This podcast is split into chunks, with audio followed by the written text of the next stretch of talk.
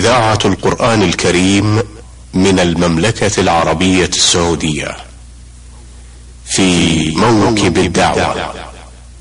إعداد وتقديم محمد بن عبد الله المشوح. الذين نسعد كثيرا بما يقدمونه عبر رسائلهم التي تتواصل معنا دوما وابدا. نستقبل كما عودناكم رسائلكم واستفساراتكم عن هذا البرنامج. على عنواننا المعتاد إذاعة القرآن الكريم برنامج في موكب الدعوة.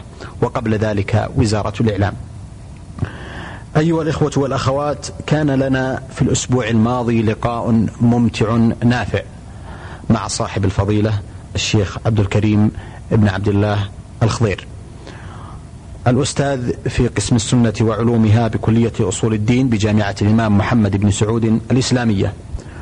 وقد تفضل حفظه الله بالحديث عن العديد من الجوانب الشخصية المتعلقة بحياته الأولى عبر نشأته وتلقيه العلم ومشاركاته العلمية والدعوية. الحديث يتصل في هذا اللقاء مع فضيلته إلا أنني في مطلع هذا اللقاء لا أملك إلا أن أرحب باسمكم جميعا بصاحب, بصاحب الفضيلة الشيخ الدكتور عبد الكريم بن عبد الله الخضير على قبوله دعوة البرنامج وأشكر له هذه الحفاوة البالغة من قبله حياكم الله دكتور حياكم الله وبارك فيكم وشكر سعيكم والأخوة المستمعين حفظكم الله. شيخ عبد الكريم الحقيقة أن آه، في جعبتنا في هذا اللقاء العديد من الجوانب التي نحب أن نتناولها وأن نتطرق إليها في سبيل آه، تقديم أكبر قدر ممكن من آه، المعلومات والتجارب المهمة من قبلكم. فضيل الدكتور في الحقيقة في مطلع هذا اللقاء أحب أن أتوجه لكم بسؤال خاص. قد أكون اطلعت عليه من بعض من يجالسونكم واستمعت إليه من كثير من محبيكم وطلابكم. آه، عرف عنكم آه، شيخ عبد الكريم حبكم آه، ونهمكم الكبير والكثير في القراءة. وهذا ولد إقبالا منكم على قراءة الكثير من الكتب بل أصبح لكم شبه تخصص في مطولات الكتب وأمهاتها. أحب أن تبينوا لنا عبر هذا البرنامج وعبر هذا اللقاء آه، كيفية آه، اتصالكم وعلاقتكم بالقراءة كيف كانت ومتى بدأت؟ بسم الله الرحمن الرحيم. الحمد لله رب العالمين وصلى الله وسلم وبارك على نبينا محمد وعلى آله وصحبه أجمعين.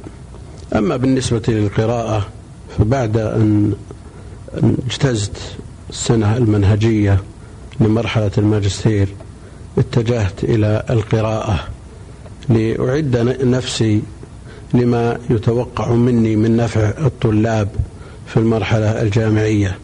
في اللقاء الماضي بينت أنني إثر تخرجي في كلية الشريعة عينت معيدا ومآل المعيد التدريس في الجامعة كما هو معلوم.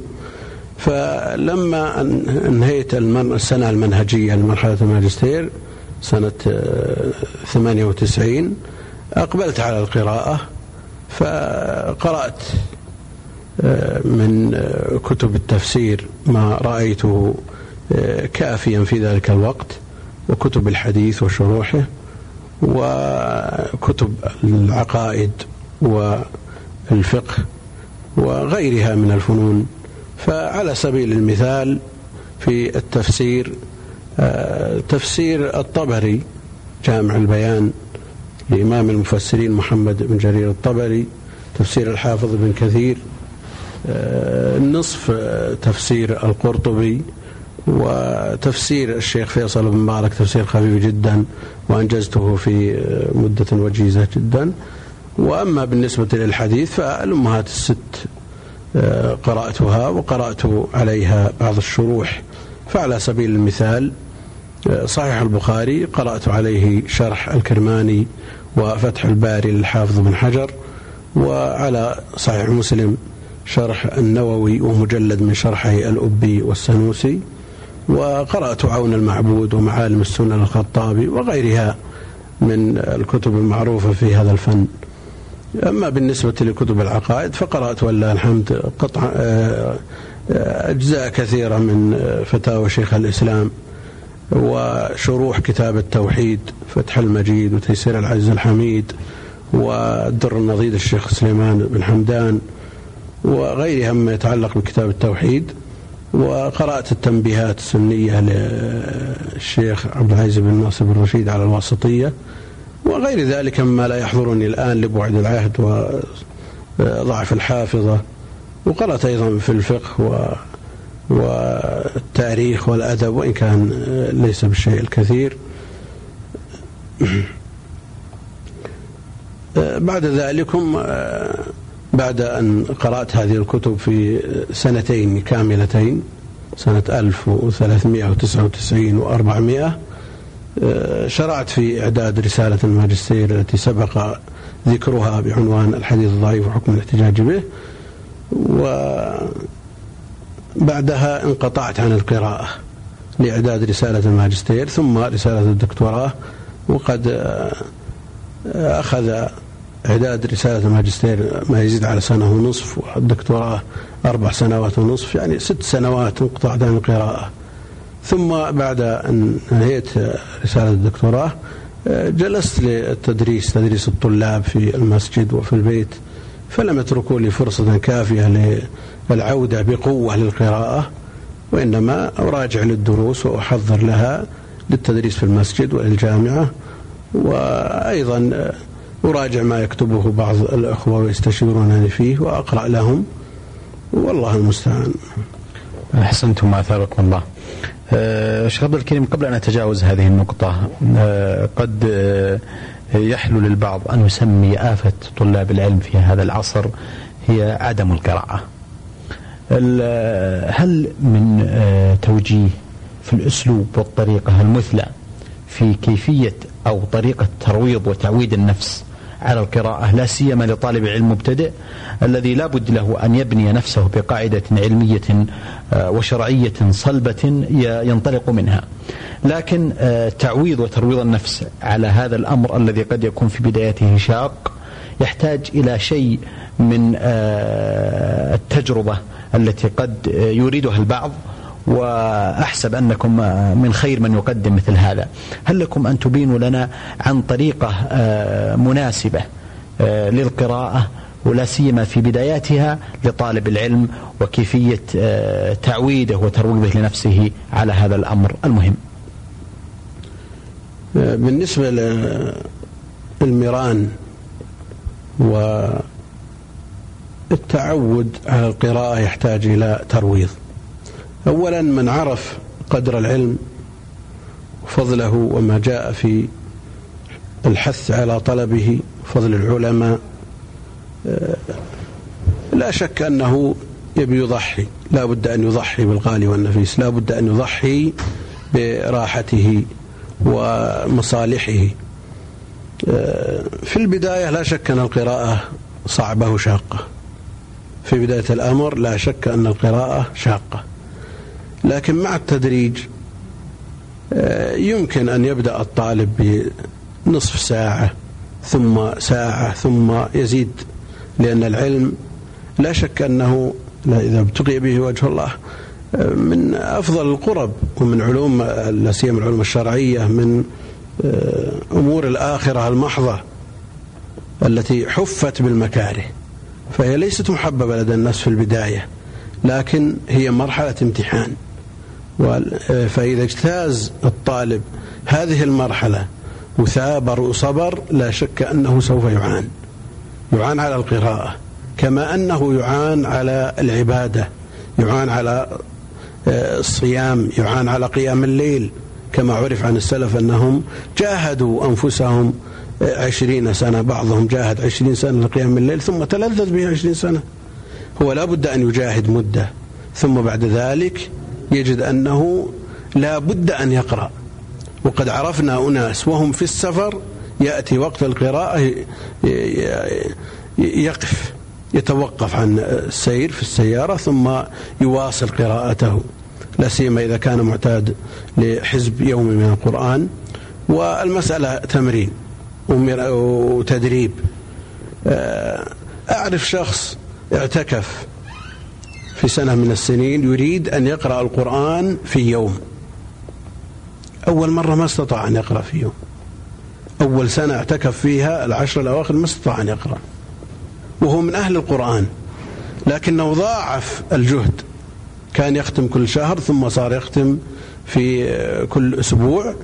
اعتكف بعدها بثلاث سنوات. صار من أسهل الأمور أن يختم في كل يوم. فالمسألة مسألة تعود. المسألة مسألة تعود. ومثل ما ذكرت المسألة أيضا لابد من اجتياز مرحلة الامتحان. فإذا علم الله سبحانه وتعالى صدق الرغبة من هذا الشخص أعانه وحبب إليه العلم. وصار يقضي فيه الأوقات وتنتهي الساعات وهو لا يشعر. والوقت ما زال ولله الحمد فيه بركة من ضبطه وحرص عليه أدرك الشيء الكثير. والطريقة في القراءة الناس متفاوتون. منهم الصبور الدؤوب. ومنهم الملول. فالصبور له نوع من القراءة. يمسك الكتاب المطول. من أوله إلى آخره ويدون فوائده ويختصر ويلخص بعض مسائله والملول ينوع. يضع له جدول. بعد صلاة الصبح كتاب بعد صلاة الصبح يخصص للقرآن مثلا فإذا انتشرت الشمس يقرأ في الحديث مثلا وشروحه بعد صلاة الظهر يقرأ في العقائد مثلا بعد صلاة العصر في الفقه وهكذا. هذا الملول. وأما بالنسبة للدؤوب الذي آه، لا لا يتطرق إليه الملل إلا كما هو معروف عن البشر لكن الناس متفاوتون في هذا. الذي عنده صبر وجلد يبدأ بالكتب واحدا بعد الآخر. يقرأ كتاب مطول في التفسير أو مختصر على حسب قدرته واستيعابه. ثم كتاب في الحديث وشروح الحديث ثم إلى إلى آخر العلوم. أحسنتم يا شيخ. آه، الحقيقة أيضا آه، البعض من طلبة العلم آه، يحرصون في أثناء قراءتهم على تدوين وكتابة بعض الأشياء أو المعلومات أو التعليقات أو الهوامش على بعض ما يقرؤونه. هذه الطريقة أعتقد كما أسمع أن لكم شيء من التعليق على كثير من الكتب والمطولات وأمهات الكتب. ما جدوى هذه الطريقة شيخ الكريم في حفظ بعض المعلومات أو بعض الفوائد أو بعض النكت العلمية التي يحسن العناية بها وتدوينها؟ الكتب المطولة لا بد من لا بد من المقيدات عليها. في طرة الكتاب في آه، كراسة مستقلة توضع رؤوس المسائل ويعلق على ما يحتاج إلى إلى آه، إليه إلى تعليق من آه، كشف غامض من رد قول مرجوح سواء كان في الاعتقاد أو في غيره. وكثير من المشايخ إذا رجعت كتبهم وجد عليها التعليقات المناسبة. وعلى سبيل المثال أنا من فتح الباري من أوله إلى آخره من أول المجلد الأول إلى آخر الثالث عشر آه، المقيدات عليه. والتعليقات وبيان آه، الأخطاء سواء كانت العقدية أو الأوهام التي وقع فيها الحافظ بن حجر آه، كلها مقيدة والله الحمد. وإضافة إلى رؤوس المسائل المدونة في طرة كل جزء وأوله. لكن شيخ عبد الكريم هذه التدوينات يعني أو التعليقات التي آه، يعني آه، قدمت من قبلكم على بعض من هذه الكتب وأمهاتها ألا يمكن الاستفادة منها؟ بنشرها وأطلاع مثلا طلبة العلم عليها وخصوصا إذا تم لها تنقيح وعناية وإضافات وزيادات عليها من الممكن أن يستفاد منها بشكل أكثر وأكبر لا سيما من قبلكم وأنتم لكم عناية بالقراءة خصوصا وتدوين بعض الملاحظات كما تفضلتم آنفا على ما قد يقع من أخطاء أو أوهام من بعض المؤلفين. التعليقات على الكتب التي قمت بها على مقروءاتي شأنها شأن المؤلفات. هناك مؤلفات تنتظر اللمسات الأخيرة فهي في طور الإعداد إن شاء الله تعالى وسوف تفرد وتبرز إن شاء الله كغيرها من المؤلفات. هل من الممكن أن نستمع إلى بعض المشاريع العلمية التي لديكم من مؤلفاتكم؟ نعم عندنا الآن جاهز شرح النخبة وشرح نظم النخبة أيضا جاهز. وفيه المجهول عند الإمام أبي حاتم الرازي وهذا مشروع كبير أيضا في طور في اللمسات الأخيرة. يعني جمعت أكثر ولله الحمد. وهو يحتاج أيضا إلى فراغ. ولو تركوا لنا الطلاب شيء من الفرصة لا استطعنا أن نكمل بعون الله سبحانه وتعالى بعض هذه المشاريع. هناك موضوع طريف يعني شبه جاهز وهو من قال في من أدخله الإمام البخاري في الضعفاء وقال الإمام أبو حاتم ينبغي أن يحول في أربعين راوي قال فيهم الإمام أبو حاتم ينبغي أن يحول وهناك أيضا محاكمة بين الحافظ بن حجر والكرماني حيث تعقب الحافظ بن حجر الكرماني في مواضع كثيرة استفاد منه كثيرا وتعقبه في مواضع كثيرة وهي مدونة وجاهزة. وأيضا محاكمة بين العيني وابن حجر وإن كان البوصيري قام بشيء من ذلك لكن أتصور أن المسألة تحتاج إلى بسط أكثر. نعم. أحسنتم. أه شيخ عبد الكريم الحقيقة بودي أن أنتقل إلى جانب آخر. ومن الممكن أيضا أن نكون قد تناولنا جزءا منه في اللقاء السابق. جانب التدريس جانب من النشاط العلمي المبارك الذي الذي تقومون به. سواء كان ذلك في الجامعة أو في المسجد وحضور كثير من طلبة العلم واستفادتهم من تلك الدروس العامرة. شيخ عبد الكريم البعض يتناقل مقولة ما أدري حقيقتها وهي الطلاب أحيانا يلقون اللائمة على العلماء والمشايخ في تقصيرهم في إقامة الدروس عدم اهتمامهم بطلابهم. العلماء والمشايخ يلقون بلائمة أخرى على الطلاب في تقصيرهم وعدم حضورهم. آه هذا الاتهام المتبادل بين الأطراف. ما حقيقته؟ هل الخطأ يعني مشترك بين تلك الأطراف جميعا. آه ما حقيقة دور العالم والشيخ في كسب الطلاب والتفرغ لهم وتقديم العلم النافع عبر الانتظام معهم في دروس يستفيدون منها. كذلك دور طالب العلم في مواصلة طلبه للعلم والاتصال بشيخه والاستفادة منه كل هذه الأمور بودي أن تحظى بتعليق من فضيلتكم.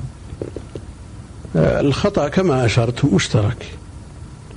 لا شك أن من علمائنا وشيوخنا من أدى الأمانة وقام بالواجب على الوجه المطلوب وكثر المستمعون له والحاضرون لديه وهذا لا شك أنه بعد ما أسميه مر... اجتياز مرحلة الاختبار. كل واحد من المشايخ يبدأ بعدد قليل وقد ينقص هذا العدد في فترة من الفترات. وهذا وللأسف الشديد جعل بعض المشايخ يترك التدريس. لما نقول لفلان من الناس قاضي في بلد لا يوجد غيره لماذا لا تدرس؟ قال من أدرس جلس جلس عندي في يوم عشرة أول يوم عشرة. في اليوم الثاني نقص صاروا خمسة. في اليوم الثالث واحد. قلت أثبت لي هذا الواحد. ما أنت مسؤول عن العدد. أنت أثبت واجتز مرحلة الاختبار وسوف تجد إذا علم الله سبحانه وتعالى منك صدق النية تجد الأتباع. وأنت بتدريسك العلم وتزكيتك لعلمك سوف يبارك الله سبحانه وتعالى في علمك وعملك. وهل الأمر على الكثرة يا شيخ عبد الكريم؟ لا ليست على الكثرة. لا ليس الأمر على كثرة لكن الإنسان يحرص أن يستفاد منه بقدر أقول على بالقدر المطلوب يعني. وإلا يكفي واحد لا يهدي الله بك رجلا واحدا خير لك من حمر النعم. وأعرف الآن واحد من كبار العلماء عندنا في الرياض ما يحضر إلا شخص واحد. أنا أدركت يحضر شخص واحد. والآن بالمئات. وتتبع أخباره. أين سوف يلقي الشيخ؟ وين درسه اليوم؟ وحضوره بالمئات ونفعه لا يحد. والله المستعان. لكن على الطالب أن يصبر مع شيخه ولا يصير الطالب أيضا مذبذب كل يوم له رأي واليوم عند فلان ثم ينقطع يذهب إلى فلان. لا يحدد مصيره ويلزم شخص واحد أو اثنين أو ثلاثة على حسب آه، حاجته إلى العلوم والمعارف المتنوعة. لكن لا يتذبذب يحضر اليوم عند فلان ثم يقول والله أنا ما استفدت. علم الشخص ما يطلع في يوم. ما يمكن أن يدرك في يوم. يمكن تجلس عند عالم كبير من أكبر العلماء في في جلسة ما تجد عنده جديد في هذا اليوم. لكن في الجلسة الثانية تجد عنده. في الثالثة وهكذا. وما استفاد العلماء الأوائل إلا من ملازمة الشيوخ. من ملازمة الشيوخ استفادوا. نعم أحسنتم آه، دروسكم فضيلة الدكتور آه، في المسجد خصوصا آه، كان لها أثر طيب ومبارك في انتفاع الكثير من طلبة العلم منها. أجد أنها فرصة آه، من الممكن أن نستمع إلى بعض هذه الأسماء التي وردت ونهلت من مجالسكم ودروسكم المباركة. يعني نقصد الطلاب يعني هل هناك بعض الأسماء التي تستحضرونها المسجد ولا الجامعة؟ سواء طلاب في المسجد أو في الجامعة درستموهم يعني. أول ما جلست للتدريس كان في مسجد في الديرة بطلب من إمامه زميلنا الشيخ عبد العزيز السبعان سنة سنة 99 و300 وألف ولا أذكر الآن منهم أحد لأنهم كانوا شباب صغار ولا طالت المدة وإنما أذكر يمكن شخص واحد هو الآن دكتور في كلية الدعوة اسمه عبد الله عبد الله الرفاعي نعم. هذه أول ما جلست للتدريس ثم بعد ذلك آه، جلسنا لأفراد في المنزل آه، كان منهم شيء من الملازمة فقرأوا علينا. منهم أذكر منهم الشيخ الدكتور عبد العزيز السعيد والدكتور يوسف السعيد الشيخ عبد السلام البرجس والشيخ عبد الرحمن العماج ومجموعة من طلبة العلم من أوائل الطلبة. وبالنسبة للجامعة فالدفعات الأولى لا أذكر منهم الآن الدكتور إبراهيم الرئيس والدكتور إبراهيم الفارس الدكتور محمد العلي والشيخ عبد الله السعد الدكتور عبد الله بن عبد المحسن التويجري الدكتور محمد الشارخ وغيرهم. لكن من الملازمين أيضا آه، الشيخ إبراهيم الزامل الشيخ ناصر البابطين الشيخ ناصر الحنيني الشيخ ناصر الرحيان آه، من المتأخرين وملازمته بقوة. ويذكر أيضا آه، أحد طلابنا في الجامعة وهو يحضر جميع دروس المسجد اسمه أشرف إمام.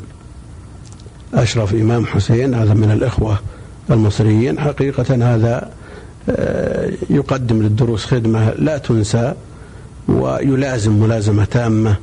يحضر جميع الدروس ويسجل جميع الدروس ويبذل الأشرطة للإخوان من غير من ولا ولا أجر. فله الجزاء الجزيل من الله سبحانه وتعالى. أحسنتم الشيخ آه، الحقيقة لكم أيضا آه، اهتمام شيخ عبد الكريم بجمع الكتب. وأعلم أن لديكم مكتبة ولله الحمد عامرة تعتبر من أكبر المكتبات الموجودة. آه، من يمكن أن نستمع إلى بدايات جمع هذه الكتب والاهتمام بها والعناية بجمعها. آه، أيضا ممكن أن نستمع إلى بعض أسماء آه، هذه الكتب أو أمهات الكتب التي تحتويها وتحتضنها مكتبتكم المباركة. الاهتمام بجمع الكتب كان من عهد الصبا من السنة الثانية المتوسطة سنة 88 بدأت أشتري بعض وأجمع بعض الكتب التي أسمع من الوعاظ ومن المشايخ الثناء عليها أبادر لشرائها لكن مع ضعف كما هو معلوم. في سائر البدايات. ثم بعد ذلك ازداد الجمع إلى أن وصل إلى حد قد لا يمدح. وصلت المكتبة إلى إلى كم من أنسى بعضه بعضا وصد بعضه عن بعض. هل ممكن نعرف الرقم للمكتبة الآن؟ والله الرقم لو لو قلت عشرين ألف خمسة وعشرين ألف ممكن. ما شاء الله. فحقيقة كثرة التصانيف آه، قد لا يمدح وكثرة. كثرة الكتب آه، كثرة التصانيف كما يقول ابن خلدون عائقة عن التحصيل. هذا شيء لمسته بنفسي. إذا أردت كتاب تعبت في إحضاره إذا أرسلت أحد من الأولاد ما, ما وجده آه، ترتيب الكتب يحتاج إلى وقت. المسألة لا شك أن القدر قدر الحاجة هو المطلوب. فما زاد على الحاجة في جميع آه، الأمور حقيقة قد ينقلب إلى الضد. وابن خلدون رحمه الله يقول كثرة التصانيف مشغلة عن التحصيل. نعم. فكون الإنسان يعتني بجميع طبعات الكتاب آه، بعلة أو بسبب أنه قد يحال إلى جزء صفحة من كتاب في فائدة من الفوائد آه، قد لا تكون هذه الطبعة عنده. ثم لا يجدها في الطبعة التي عنده. نعم ولله الحمد. هذا نجده إذا أحلنا على شيء نظرا لتعدد الطبعات التي عندنا ويتصل علينا الإخوة إذا لم يجدوا بعض الإحالات في الطبعات التي عندهم. هذا في شيء من النفع لكنه ما يقابل آه، العناء والمشقة والتعب والإرهاق وضيق المكان وغيره يعني لا شك أن لها تبعة نعم. أحسنتم. آه، ثابكم الله شيخ عبد الكريم. في الحقيقة بودي أن نسترسل كثيرا في العديد من الجوانب المهمة التي نحب أن نتناولها مع فضيلتكم. لكنني آه، أرى أنه آه، يلزمني أن أتوقف عند هذا الحد نظرا لضيق الوقت في حلقة هذا الأسبوع. لكنني في ختام هذا اللقاء لا أملك إلا أن آه، أرفع لفضيلة الدكتور عبد الكريم بن عبد الله الخضير آه، الأستاذ في قسم السنة وعلومها بكلية أصول الدين بجامعة الإمام محمد بن سعود الإسلامية. جزيل شكري وتقديري له على قبوله دعوة البرنامج وعلى هذا الحديث الضافي والممتع والمبارك عن جهوده وعن نشاطه وعن العديد من الجوانب الشخصية المتعلقة به. آمل بإذن المولى أن نلقاكم آه، على خير في مثل هذا اليوم من الأسبوع القادم. والسلام عليكم ورحمة الله وبركاته. في موكب الدعوة إعداد وتقديم محمد بن عبد الله المشوح.